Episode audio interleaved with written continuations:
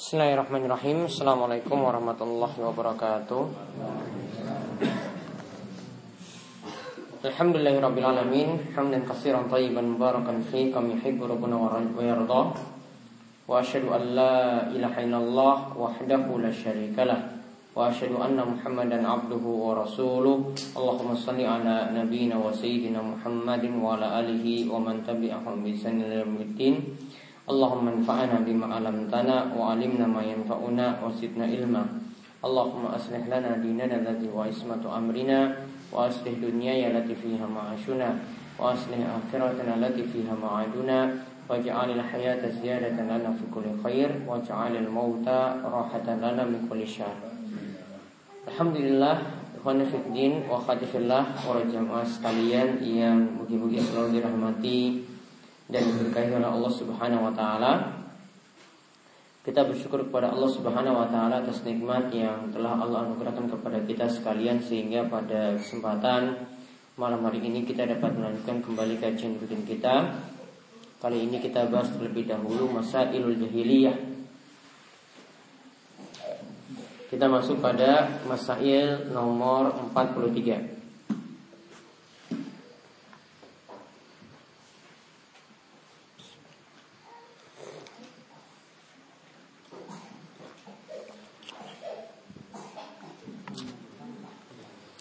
Sebelumnya sudah diterangkan Masail 42 Ini tentang bersyarikat dalam kepemilikan. Yang kemarin ini terdapat pada orang apa? Komunis.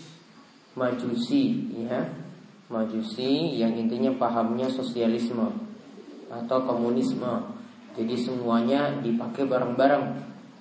Ya, semuanya itu dipakai bareng-bareng. Ya istrimu ya istriku juga barangmu motormu ya motorku juga dan seterusnya ini adalah paham yang diwarisi dari paham-paham jahiliyah. Sekarang kita akan bahas untuk masail 43 dan 44 berkenaan dengan masalah takdir ya berkenaan dengan masalah takdir yang pertama masail yang ke-43 juhuduhum li qadarillah. Itu orang jahiliyah punya sifat menentang takdir-takdir Allah. Sedangkan masail ke-44 Al-itizaru an kufrihim bi anallaha qaddarahu alaihim. Mereka selalu beralasan Orang jahiliyah selalu beralasan untuk kekafiran mereka bahwa kekafiran itu Allah yang tetapkan. Bahwa kekafiran itu Allah yang takdirkan. Jadi mereka beralasan kafir karena takdir Allah. Mereka beralasan berbuat maksiat karena takdir Allah.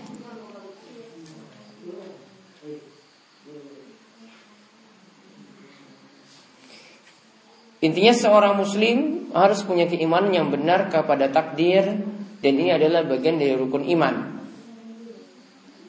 Yaitu dari bagian dari rukun iman yang enam di mana Nabi SAW itu mengatakan tentang rukun iman al-imanu antuk minabillahi wa malaikatihi wa kutubihi wa rusulihi wal yaumil akhir wa tu'mina bil qadari khairi wa syarri.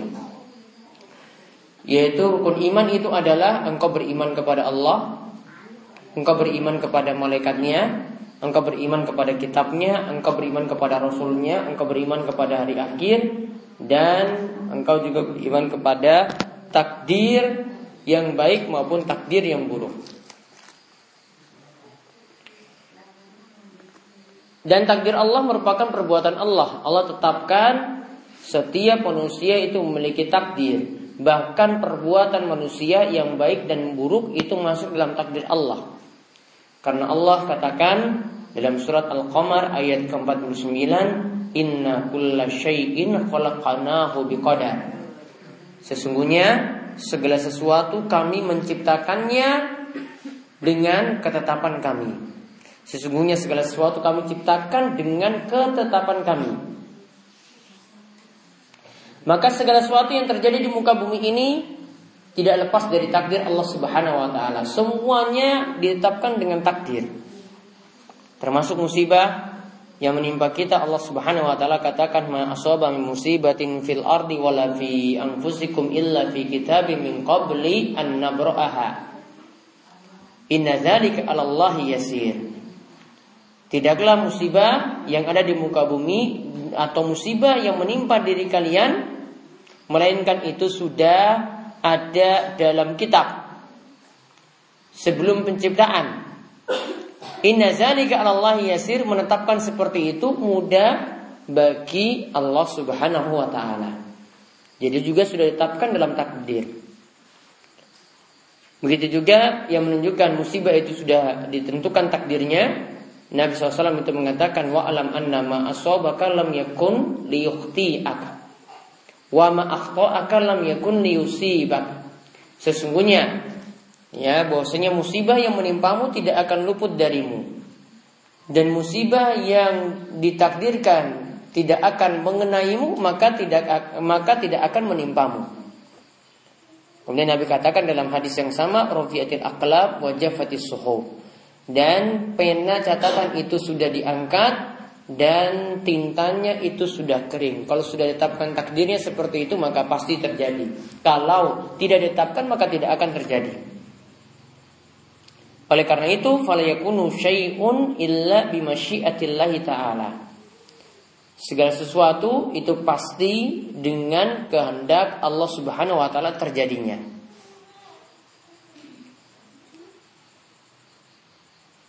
Adapun keimanan dalam takdir harus memenuhi empat rukun. Ada empat rukun beriman pada takdir. Yaitu awalan yang pertama al-imanu bi annallaha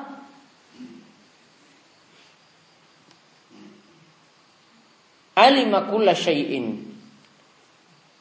Beriman bahwa Allah berilmu atau mengetahui segala sesuatu. Thanian an Allah kataba kulla syai'in fil lauhil mahfuz. Yaitu Allah telah mencatatkan segala sesuatu Allah telah mencatat segala sesuatu atau setiap yang ditakdirkan pada lauhul mahfuz.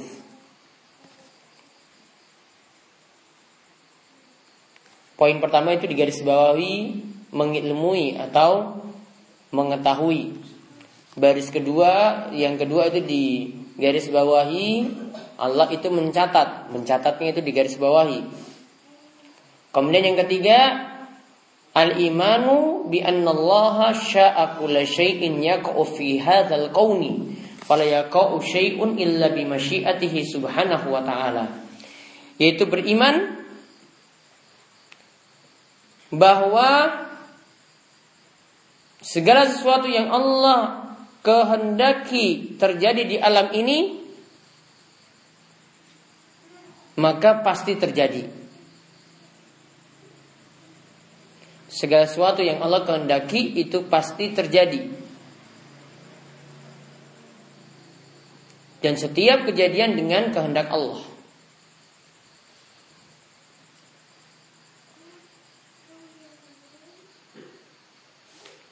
Maka di garis bawahi Allah menghendaki tadi atau Allah berkehendak. Kemudian rabi'an yang keempat, al-imanu bi anallaha khaliqu kulli syai'in. Beriman bahwasanya Allah menciptakan segala sesuatu. Menciptakan segala sesuatu. Termasuk di sini perbuatan manusia atau perbuatan hamba.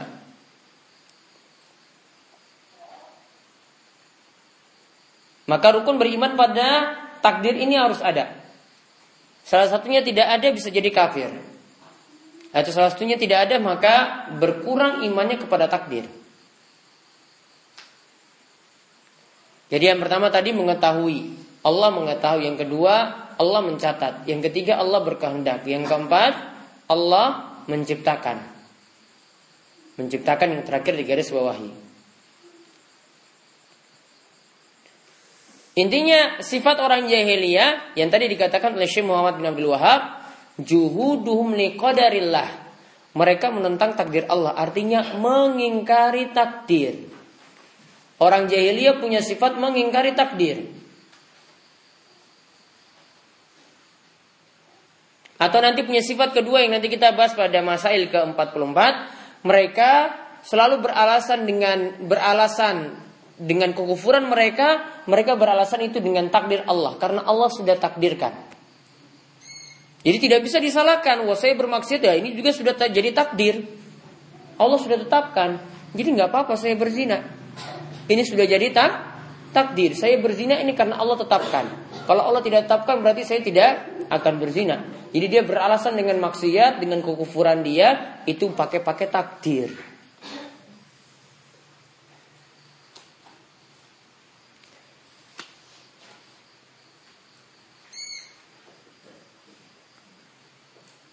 Di antara dalil yang membuktikan bahwasanya orang jahiliyah itu mengingkari takdir, bahwasanya orang jahiliyah itu mengingkari takdir. Kalau dilihat di buku terjemahan, situ ada sebutkan tiga dalil.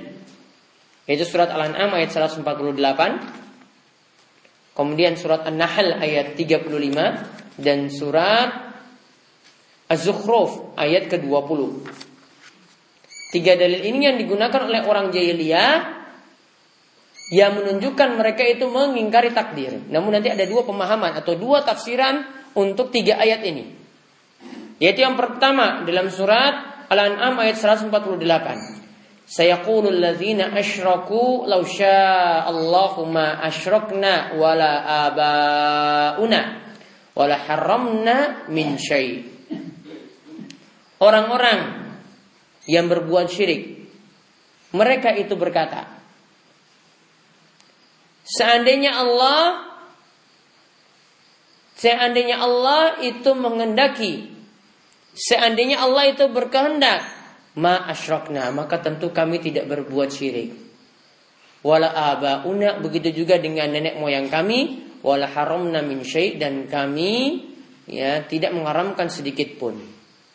Lihat pada kalimat lausya Allahumma asyrokna seandainya Allah itu berkehendak tentu kami tidak berbuat syirik juga pada firman Allah Wa qala alladziina asyraku law syaa Allahu abadna min dunihi min syai'in nahnu wala abauna wala harramna min dunihi min syai'.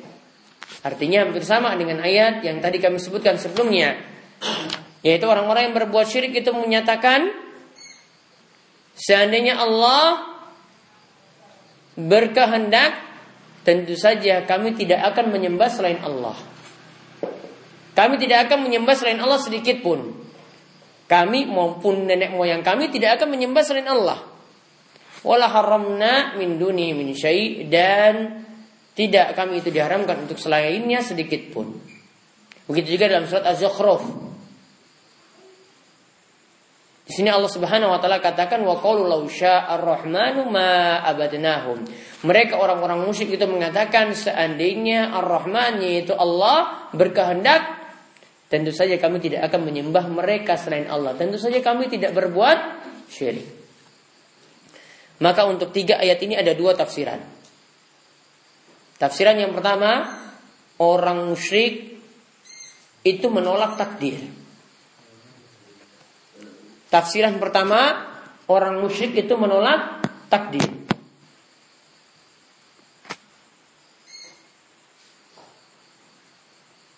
Jadi maksud mereka mengatakan dalam ayat tadi, ya, misalnya dikatakan, "Lausya Allahumma asyrokna", seandainya Allah itu berkehendak, kami tentu tidak berbuat syirik. Maksudnya, tafsiran yang pertama, "Laukana Allahu masyi wa laukana lillahi masyiat masyiatun." Mata rokna na'malu hazil asya. Seandainya Allah itu punya kehendak, tentu Allah tidak membiarkan kami berbuat syirik seperti ini.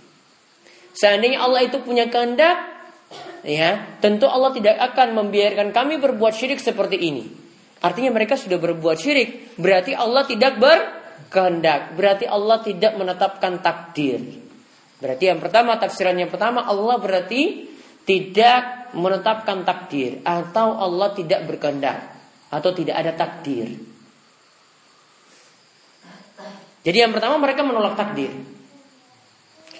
Kemudian yang kedua, tafsiran yang kedua, la sya la sya Allahumma asyrakna pada ayat yang katakan tadi, seandainya Allah itu berkehendak, ya, maka kami tidak akan berbuat syirik. Maksudnya, ini kaitannya dengan nanti masail yang ke-44.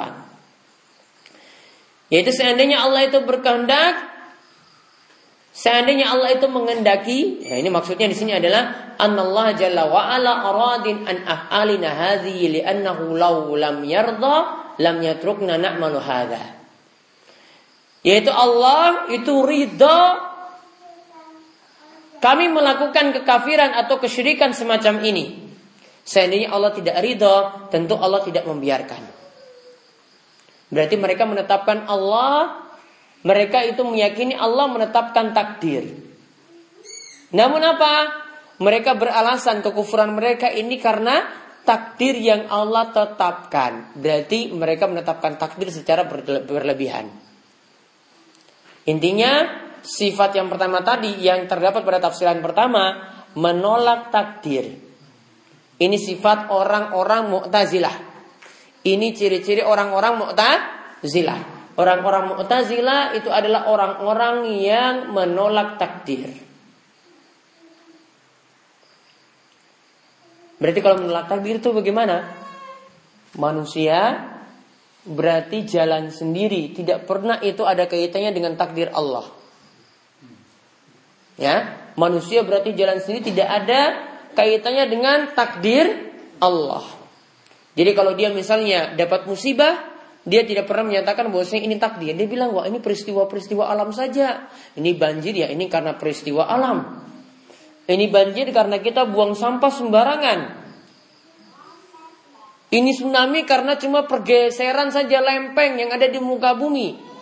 Tidak pernah kaitan kaitkan dengan takdir. Nah ini yang biasa kita lihat di tayangan-tayangan TV. Ya, tidak pernah mereka singgung, wah ini Allah yang tetapkan takdir seperti ini. Tidak pernah. Namun selalu apa? Kaitkan dengan peristiwa-peristiwa alam. Bisa banjir karena apa? Nah ini banjir karena keadaan kota misalnya yang tidak tertib. Ya masyarakat buang sampah sembarangan seperti itu. Tidak pernah kaitkan juga dengan takdir Allah. Walaupun memang itu adalah sebabnya, namun kalau Allah tidak takdirkannya, tidak mungkin juga banjir. Pasti itu karena takdir Allah Subhanahu wa taala. Ini yang tafsiran pertama tadi menolak takdir itu adalah sifatnya orang Mu'tazilah. Sedangkan yang kedua, ini sifatnya orang yang disebut orang Jabariyah. Jabariyah Jabar itu artinya memaksa.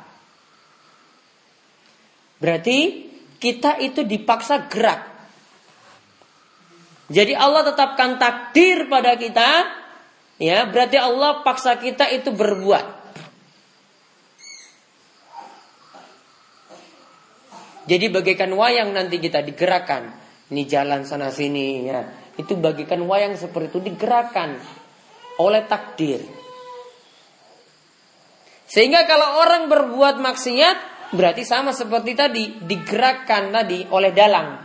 Dalang sudah gerakan ini kamu nanti berbuat maksiat. Kamu tidak bisa berbuat apa-apa, tidak bisa berkehendak apa-apa. Pokoknya ini sudah jadi takdir kamu. Allah yang berkehendak, manusia tidak berkehendak. Ini paham Jabariyah. Jabariyah ini adalah orang yang menetapkan takdir namun menetapkannya secara berlebihan. Artinya dia nafikan, dia tiadakan, manusia tidak bisa berbuat apa-apa. Cuma digerakkan oleh takdir Allah.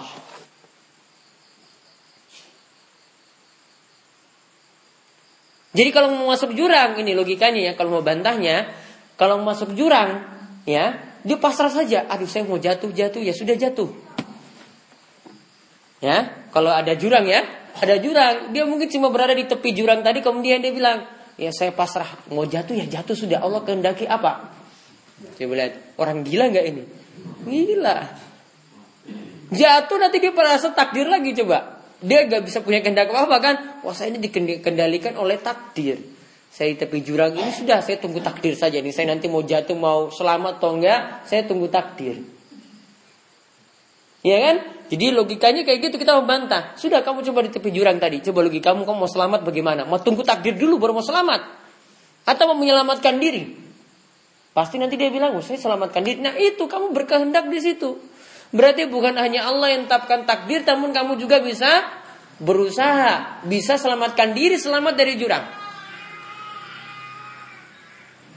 Maka dia ter, ter, terbantahkan ini tidak tidak logis. Kok manusia ya untuk selamat kok nunggu takdir. Intinya manusia itu punya kehendak. Punya keinginan. Dia mau menggerakkan diri, mau berusaha, mau bekerja. Namun semuanya tergantung juga pada takdir Allah. Yang takdir Allah ini dia tahu nanti setelah perbuatan itu terjadi. Ya, setelah perbuatan itu ter terjadi. Sedangkan apa yang dipahami oleh Mu'tazilah tadi yang menolak takdir ini juga keliru. Dia satu sisi yang dia ambil. Manusia pokoknya bisa bekerja saja. Jadi etos kerjanya yang dia kuatkan, tidak pada tawakal.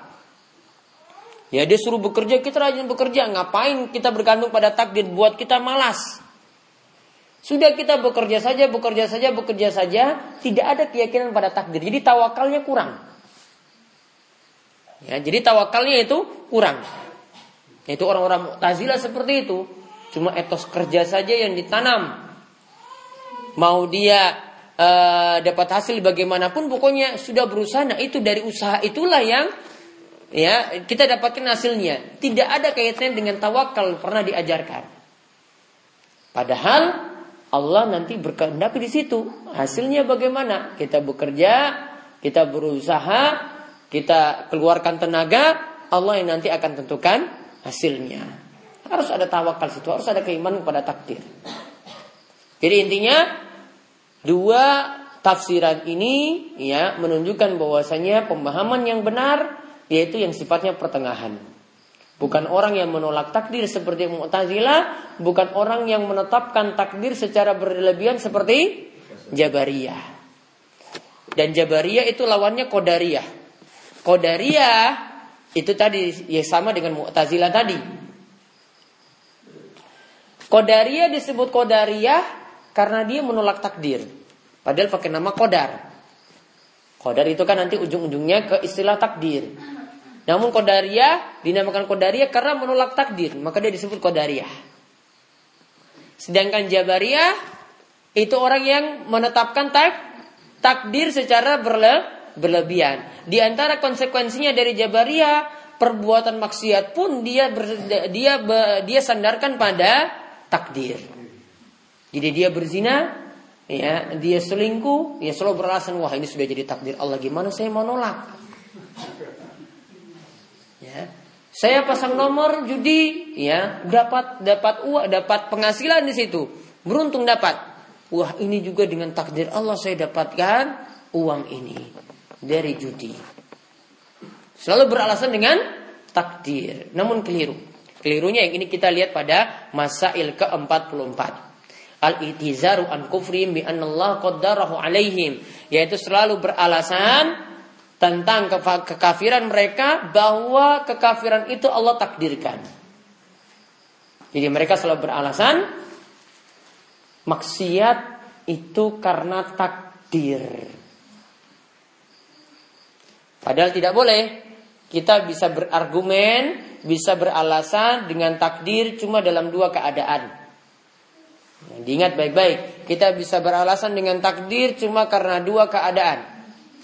Yang pertama, beralasan dengan takdir untuk musibah. Ketika kita dapat musibah, maka kita katakan qaddarallahu wa masya'a fa'al. Allah sudah menakdirkan seperti ini, apa yang Allah kehendaki pasti terjadi. Yang kedua,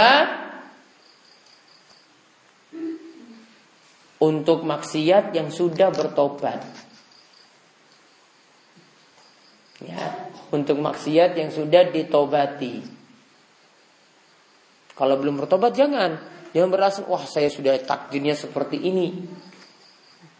Ini untuk maksiat yang sudah ditobati. Dua keadaan itu saja. Sedangkan beralasan kafirnya, perbuatan syiriknya, maksiat yang dia lakukan itu beralasan dengan takdir, tidak boleh.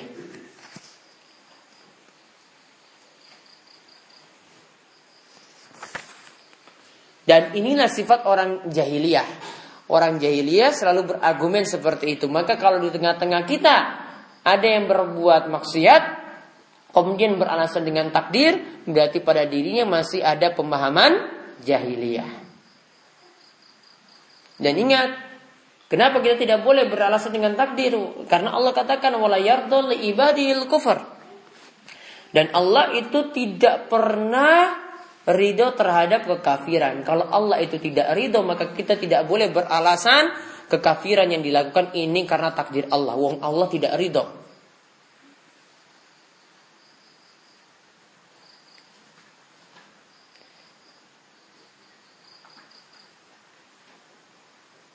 Maka ada sesuatu yang pantas kita sadarkan pada Allah dan ada sesuatu yang tidak kita pantas tidak pantas kita sandarkan pada Allah.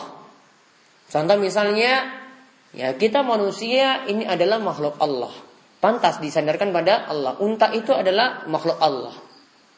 Namun coba kalau kita katakan misalnya bahasanya mungkin kita nganggap kurang santun. Ya, kita nganggap itu kurang santun. Ya. Pelacur ini atau mungkin hewan yang jelek, misalnya babi ini, ya, babi ini makhluk Allah. Mungkin nyatanya itu tepat. Namun kadang kalau kita katakan bahwasanya uh, pencipta ya misalnya pencipta babi itu Allah. Dari segi kalimat itu mungkin terlihat kurang santun. Cukup kita katakan apa? Pencipta makhluk itu Allah. Sudah. Dari sisi kalimat kurang santun. Maka walaupun maksiat itu Allah takdirkan, namun kita berargumen, kita beralasan Allah itu yang membuat kita bermaksiat, itu kurang ajar namanya. Allah yang membuat kita itu bermaksiat ini kurang ajar. Kurang santun. Walaupun Allah yang tetapkan. Ini sudah ada dalam takdir. Ini sudah ada dalam takdir. Namun kurang santun. Intinya tidak boleh berargumen seperti itu. Inilah kebiasaan orang orang jahiliyah, orang-orang musyrik selalu beralasan seperti itu seperti tafsiran yang telah kita sebutkan tadi. Mereka beralasan ma'asyrokna wala abauna. Kami tidak pernah berbuat syirik atau mereka katakan tadi, "Lau Allahu ma asyrokna." Seandainya Allah kehendaki, Allah berkehendak, tentu saja kami tidak berbuat syirik. Maksudnya di antara tafsirannya tadi, seandainya ya Allah itu berkehendak, yaitu Allah itu punya kehendak. Kalau Allah itu berkehendak, ya Allah itu berkehendak, maka pasti yang perbuatan kami ini berbuat syirik ini Allah tidak akan biarkan. Jadi mereka sudah tetapkan Allah itu menetapkan takdir. Dan mereka beralasan kalau ini adalah perbuatan mungkar, perbuatan kekafiran, perbuatan yang tidak disukai, pasti itu Allah tidak ridhoi. Ini tidak akan terjadi.